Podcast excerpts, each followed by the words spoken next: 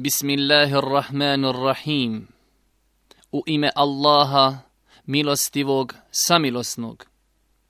Cijenjeni slušatelji Radio Sane, Assalamu alaikum wa rahmetullahi wa barakatuh. 1. januar je datum koji je određen da bude svjetski dan mira. Mir je zasigurno nešto čiju vrijednost najbolje znaju oni koji su na svojim kožama osjetili šta znači izgubiti tu Allahovu subhanahu wa ta'ala blagodat. Mir je nešto o čemu sanjaju mnogi stanovnici zemaljske kugli. Svakim danom sve je više ljudi na ovoj planeti koji su izloženi raznim torturama od strane onih koji su moćniji od njih. Kao da je posrijedi neka nova ideologija, anarhija pod plaštom demokratije u kojoj moćni legalno ugnjetavaju slabijeg. Sve više oni koji se rado, ali sa tugom prisjećaju dana u kojima su živjeli u miru i slobodi. Svakim danom sve više oni koji žele da se nekome požali na nepravdu koja im se čini, ali gotovo bezuspješno, jer skoro da nisu u prilici pronaći nekoga ko bi ih saslušao, ali ujedno i osudio nepravdu koja im je učinjena.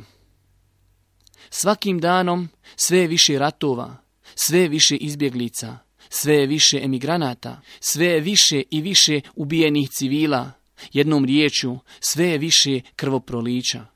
Nastupila su vremena koja je nagovijestio Allahu poslanik alihi selam spomenuši da će doći vrijeme u kojem će se toliko povećati krvoproliće, da ubica neće znati zašto ubija, niti će ubijeni znati zašto je ubijen. Muslimani vjeruju da je sav ovaj metež i nered na zemlji, kojeg svakodnevno gotovo bespomoćno posmatramo, nastao kao posljedica za postavljanja prakticiranja vjeri, kao i zbog posljedica griješenja.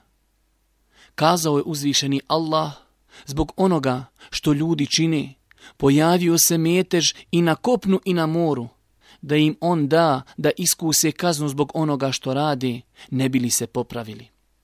Muslimani također smatraju da je mir blagodat od tvorca nebesa i zemlji, na kojoj bismo mu mi trebali biti zahvalni, kao što bismo trebali biti zahvalni kada su u pitanju i sve ostali blagodati, koje je gotovo nemoguće prebrojati. Kazao je Allahu poslanik, ko osvani, bezbjedan, siguran u svojoj kući, u dobrom zdravstvenom stanju, posjeduje elementarne potrebe tog dana kao da mu je dat čitav dunjaluk. Islam je zasigurno vjera tolerancije i mira, vjera suživota, što svakako potvrđuju i svi principi kao i načela ove vjeri. Sigurno je mnogo oni koji su uzrokom često puta nasilničkih i neprestanih medijskih nasrtaja i demagogije razumjeli kako se to radi o vjeri terora, vjeri vandalizma, vjeri konzervatizma te vjeri krvoprolića. Što je više nego providno onima koji iole poznaju postulate ove vjeri.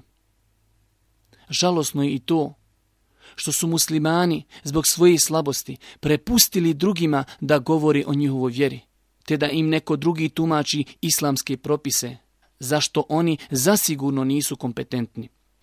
Žalosno je i to što muslimani nisu shvatili šta znači moć medija, te zbog toga iste nisu kvalitetno upraznili kako bi argumentima i činjenicama demantirali nebuloze i neistine kada je u pitanju iskrivljena slika islama, servirana od strane nekompetentnih tumača. Ne čudi nas ni to što nemuslimanski svijet bez imalo rezerve uzima ono što im se od informacija servira, jer su odrasli u sredinama u kojima se ne prakticira islam.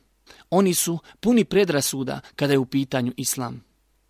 Ali je čudno u svemu tome što velik broj ljudi koji se deklarišu kao muslimani, koji su mnoge stvari od vjere preuzeli ili bolje rečeno naslijedili od svojih predaka bez čvrstog ubjeđenja i temeljnog poznavanja, počeli da sumnjaju u ispravnost svoje vjeri. Počeli su da se stide javno kazati da su sljedbenici posljednjeg Allahovog poslanika, najsavršenije ličnosti koja je ikada kročila zemaljskom kuglom. S druge strane, oni koji nisu dopustili drugima da manipulišu njihovim razumima i da ih na taj način omalovažavaju, nisu nasjeli na providne potvore i laži koje se svakodnevno iznosi na račun islama. Oni su se prihvatili izvorne literaturi, te su se uvjerili da je vjera islam, vjera toleranciji, vjera koja odgovara ljudskoj prirodi, te da je to vjera suživota. Rezultate tih spoznaja, koji se dosta puta skrivaju i ne daju u javnost, možemo vidjeti na svakom koraku. Svakim danom na stotine ljudi konvertira u islam. Uglavnom su to intelektualci koji nisu dozvolili da im današnje najčešće iskrivljene informacije o islamu siluju njihov intelekt i razum. Koliko je samo medijski veoma poznatih ličnosti, samo u zadnjoj decini javno izjavilo da su prihvatili islam te da je njihovo prihvatanje islama popraćeno čvrstim ubjeđenjem u ispravnost dotične vjeri. Oni su naglašavali da je islam ono za čime su čeznule njihove duše, a što su napokon Allahovom milošću pronašli u islamu. U ovoj emisiji spomenut ćemo ukratko neke primjere islamske tolerancije, ljepote islama, njegove jednostavnosti te prirodnosti, kako bismo jednostavno demantirali sve laži i potvore koje se iznose na račun Islama. A sve s ciljem kako bismo svim razumnim ljudima pojasnili da je Islam vjera koja je čista od svega negativnog što joj pripisuju neprijatelji čovječanstva. Jedno od najkontroverznijih pitanja koje potežu i o kojem sa slašću govori neprijatelji ove vjere jeste svakako pitanje muslimanske borbe, džihada. Danas se na spomen džihada slabije informiranim ljudima ledi krv u žilama, kao da se radi o svima nama dobro poznatoj inkviziciji i njenim surovim rezultatima. Ne, nego se džihad interpretira na daleko rigorozniji i suroviji način. Ovo nije emisija u kojoj bismo govorili o propisima džihada, te o tome da je džihad sredstvo, a ne cilj, i to u situacijama u kojima se prethodno poduzmu sva moguća bezbolnija sredstva, kako bi se uklonile prepreke za normalan život, prijetnje, torture, te nasilničko ponašanje određenih grupacija ili vojnih formacija nad stanovnicima jednoga mjesta ili državi jer Islam jednostavno ne trpi teror i nepravdu. Više je nego jasno da poprilično istrošena priča o nekom famoznom džihadu, muđahedinima, te o islamskim teroristima jeste samo pokušaj da se vješto skrene pozornost sa pravog terorizma, istinske prijetnje svijetu koji se dešava danas, ali i decenijama unazad, u Palestini, Afganistanu, Iraku, a do jučer bogami i kod nas u Bosni. Informacije o nedužno ubijenoj djeci na prostorima Palestine, Iraka i drugih muslimanskih zemalja vješto bivaju skrivene, potisnute i zamijenjene sa informacijama od kojih nam u nekoliko posljednjih godina bruji glava, a koje govore o nekom globalnom terorizmu.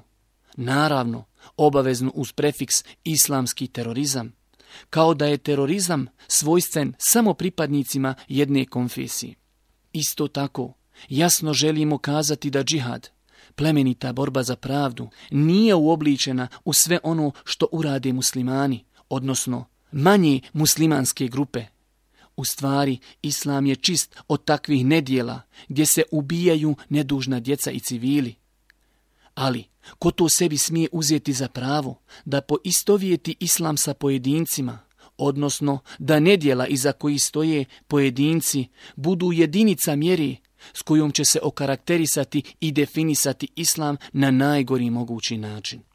S druge strane, licemjerno se šuti o tome šta je to u stvari prouzrokovalo nasilje na Bliskom istoku, koji svakim danom postaje sve alarmantniji. Niko se ne usuđuje govoriti o tome da je nepravedna i licemjerna politika određenih zemalja, kada je u fokusu pitanje recimo Palestini, natjeralo palestinskog mladića da se opaše eksplozivom i na taj način okonča svoj mladi život. Bojim se da uzroci za ovakve katastrofalne činjenice upravo leže u onima koji se busaju svojom demokratijom, humanizmom, pluralizmom, jer jednostavno nemaju iste aršine kada je u pitanju njihov odnos naspram sukobljenih strana. Ne treba ići daleko, nego se samo na trenutak podsjetimo rata u Bosni. Podsjetimo se nepravde koja nam je podvaljena pod plaštom embarga na uvoz oružja. Dakle, da rezimiramo, Bosni i Hercegovini, čiji je suverenitet prije toga priznat, nametnut je embargo na uvoz oružja, kao i drugoj strani, koja je važila kao treća vojna sila u Europi, što znači da druga strana apsolutno nije imala nikakvu potrebu za dodatnim uvozom naoružanja. To znači da su nam drugi, oni koji se kite demokratijom i humanizmom svezali ruke, te prepustili nas našim želatima. Koje li pravde u 20. vijeku u srcu demokratske Europi? kojeg li licemjerstva i kojih li dvostrukih aršina. Ali naravno to, kao ni Srebrenica, nije terorizam, jer smo prijethodno konstatirali da je termin terorizam svojstven samo pripadnicima jedne konfesije, a vi pogodite koji. Ako ćemo već gledati na koji način navedenu temu tretira Islam, pogledajmo onda u praksu Allahu poslanika Muhammeda alihi selam, gdje ćemo naći jasne primjere humanizma, koji nisu popraćeni licemjerstvom. Zar nije Allahu poslanik, alihi selam, oprostio svim stanovnicima Mekke u danu kada su muslimani osvojili Mekku? Zar nije prihvatio pokajanje Vahšija, abesinskog groba koji je u bitci na Uhudu ubio Amidžu Allahu poslanika Hamzu radijallahu anhu? Zar nije oprostio Hindi, koja je naredila Vahšiju da ubije Hamzu? Hindi, onoj koja je izmasakrirala tijelo već pogubljenog Hamzi, na način što mu je ocijekla nos i uši, te od njih sebi napravila ogrlicu i naušnice. Rasporila je njegov stomak, izvadila jetru i onako prijesnu je zubima kidala.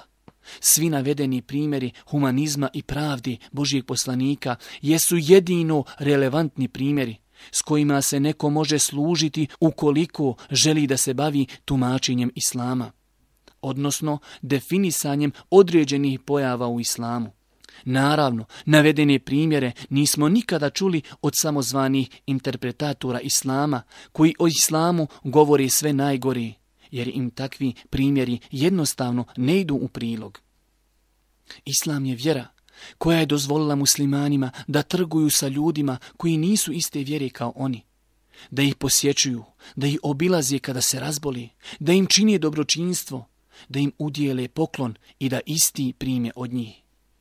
Kazao je uzvišeni Allah, Allah vam ne zabranjuje da činite dobro i da budete pravedni prema onima koji ne ratuju protiv vas zbog vjeri i koji vas iz zavičaja vašeg ne izgoni.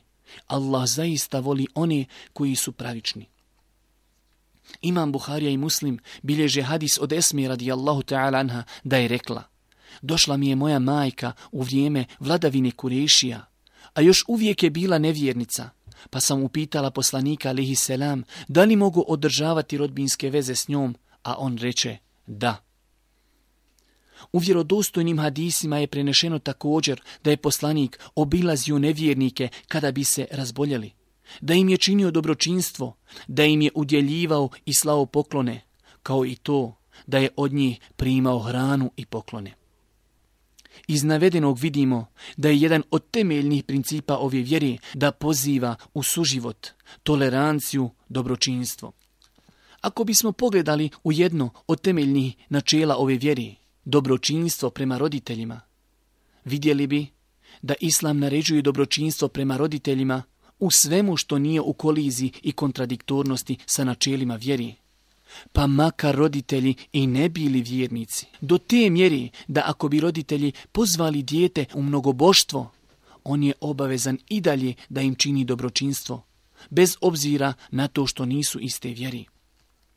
Ukratko rečeno, sve što nije u koliziji sa vjerom, obaveza je djetetu da posluša svoje roditelje, bez obzira da li su mu roditelji muslimani ili ne. Kazao je uzvišeni Allah – a ako te budu nagovarali da drugog meni ravnim smatraš, onoga o kome ništa ne znaš, ti ih ne slušaj i prema njima se na ovom svijetu velikodušno ponašaj, a slijedi put onoga koji se iskreno meni obraća. Meni ćete se poslije vratiti i ja ću vas o onome što ste radili obavijestiti. Islam je dozvolio vjernicima da moli Allaha za svoje roditelje sve dok su oni živi da moli da im otvori srca i da ih uputi na pravi put. Ako umru kao nevjernici, više nije dozvoljeno vjerniku da moli za njih. Iz spomenutog vidimo grešku oni koji prihvate islam ili se vrate njegovom prakticiranju nakon što su bili duži niz godina u nemaru, da počnu zapostavljati svoje roditelje pod izgovorom kako oni nisu muslimani ili kako su slabi muslimani Dobročinstvo roditeljima ostaje obaveza čovjeku, pa makar roditelji ostali nevjernici sve do svoje smrti. Ponekada takvi svojim nepromišljenim i neispravnim postupcima daju povoda neprijateljima Islama da iznose potvore i laži na ovu vjeru. Ako bismo pogledali u poglavlje dobročinstva prema komšiji, našli bismo zaista bezbroj stvari koji ne možemo naći ni na jednom drugom mjestu osim u islamu. Islam je vjera koja naređuje dobročinstvo komšiji, što obuhvata one koji su muslimani, ali i one koji to nisu. Iskrenost i ispravnost vjerovanja onih koji vrijeđaju i uznemiravaju komšiju je veoma upitna, jer poslanik, alihi selam, je spomenuo da nije vjernik onaj od čijih ruku nisu sigurne njegove komšije. Kazao je također da nije vjernik ni onaj ko zanoći sit, a njegov komšija gladan. I na kraju je spomenuo da je jedan od predznaka sudnjega dana da će komšija ubiti svoga komšiju. Da će se ljudi toliko izopačiti da će susjed ubiti svoga susjeda. Sva spomenuta prava su zagarantovana komšiji islamom, bez razlike da li bio musliman ili nemusliman. Da je to zaista tako, vidjet ćemo iz sljedećeg hadisa Allahog poslanika. Prenosi se da je ashab po imenu Abdullah ibn Amr vidio slugu kako kolje ovcu, pa mu je kazao Pokloni jedan komad mesa našem komši židovu. Ja sam čuo Allahog poslanika da kaže Toliko mi je Džibril ukazivao na prava komšija da sam pomislio da će komšija biti jedan od mojih nasljednika. Pogledamo li u još jedan temeljni princip Islama, čuvanje rodbinskih veza, vidjet ćemo da je veliki pokazatelj savršenstva ove vjeri, pokazatelj da je ovo vjera toleranciji. Islam izuzetno mnogo pažnje posvećuje jačanju zajednice i društva. Jedan od faktora kojim islam jača veze jednog društva jeste čuvanje rodbinskih veza. Islam mnogo pažnje posvećuje rodbinskim vezama. Mnoge i velike nagrade se obećaju onima koji čuvaju rodbinske veze, a velikim i teškim kaznama se prijeti onima koji kidaju rodbinske veze. Veoma bitna stvar da Islam i ovoga puta, kao i u slučaju komšije, nije pravio razliku između rodbine koja je u islamu i onih koji to nisu. Islam naređuje i postiče na čuvanje rodbinskih veza bez razlike da li rođaci bili muslimani ili ne. Pogledajmo ukratko kolike nagrade, kako ovo svjetske, tako i ono svjetske, očekuju one koji čuvaju rodbinske veze i kako se teškim prijetnjama izlažu oni koji kidaju rodbinske veze. Poslanik alihi selam je spomenuo da je čuvanje rodbinskih veza jedno od dijela koje vodi njegovog počinioca u džennet. Onaj ko bude čuvao rodbinske veze, Allah će mu podariti dug život i povećat će mu obskrbu. Onaj ko bude čuvao rodbinske veze, bit će cijenjen i voljen od strane ostalih članova porodice i društva.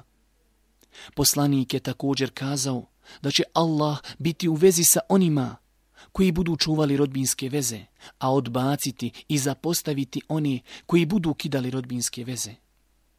Obećao je također da oni koji uzvraćaju dobročinstvom rodbini, koja ih uznemirava, da će uz njih biti pomagač poslan od strane uzvišenog Allaha. S druge strane, poslanik je također zaprijetio onima koji kidaju rodbinske veze da će biti uskraćeni najveće blagodati dženneta, da će ih zapostaviti svevišnji Allah na ovom svijetu, da je to dijelo čim počiniocu je najpreće da se ubrza kazna na dunjalku sa svim što ga čeka na budućem svijetu. Cijenjeni slušatelji, je li moguće da Islam toliko pažnje posvećuje samo jednom dijelu, jednom dijelu ljudskog života. Toliko nagrada onima koji čuvaju rodbinske veze, toliko kazni onima koji kidaju rodbinske veze i na kraju iz toga se ne izdvajaju čovjekovi rođaci, pa makar bili nevjernici. Na to nam ukazuje hadis Allahovog poslanika. Od Ebu Hureyre se prenosi da je rekao, kada su objavljene riječi uzvišenog Allaha i opominji rodbinu svoju najbližu, Ustao je Allahu poslanik i pozvao. O Beni Kab ibn Lu'ej, zaštitite se od vatri, čuvajte se od vatri. O Beni Abdul Menaf, zaštitite se od vatri, čuvajte se od vatri. O Benu Hašim, zaštitite se od vatri, čuvajte se od vatri.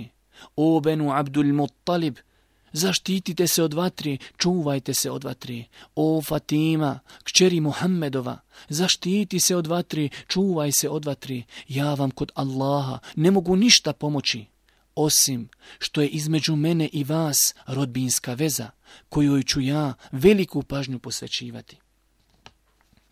Islam u svojoj potpunosti i savršenstvu nije naredio sljedbenicima ove časne vjeri da prekinu odnosa sa onima iz njihove rodbine koji nisu u islamu, već naređuje i preporučuje dobročinstvo kojim čovjek neće ništa izgubiti, osim da ih privoli, da i oni prihvate vjeru islam.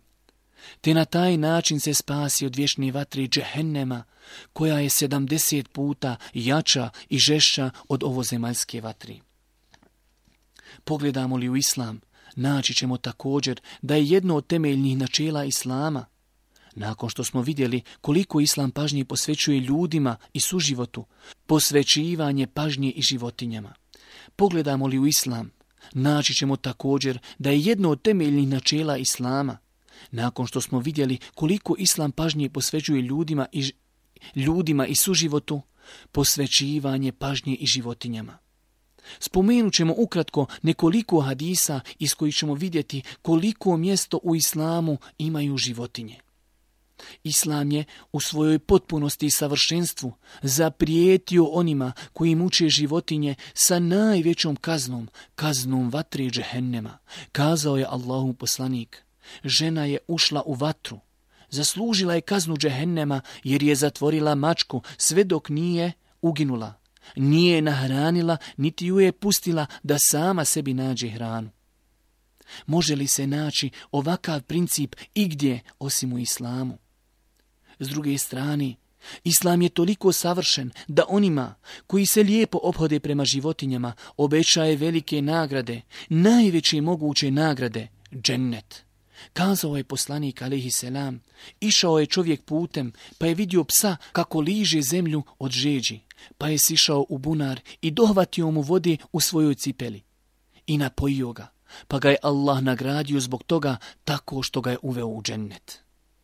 Islam je preporučio da i kada želimo žrtvovati neku životinju, da to uradimo na najbezbolniji i najplemenitiji način, sve zbog milosti prema istima.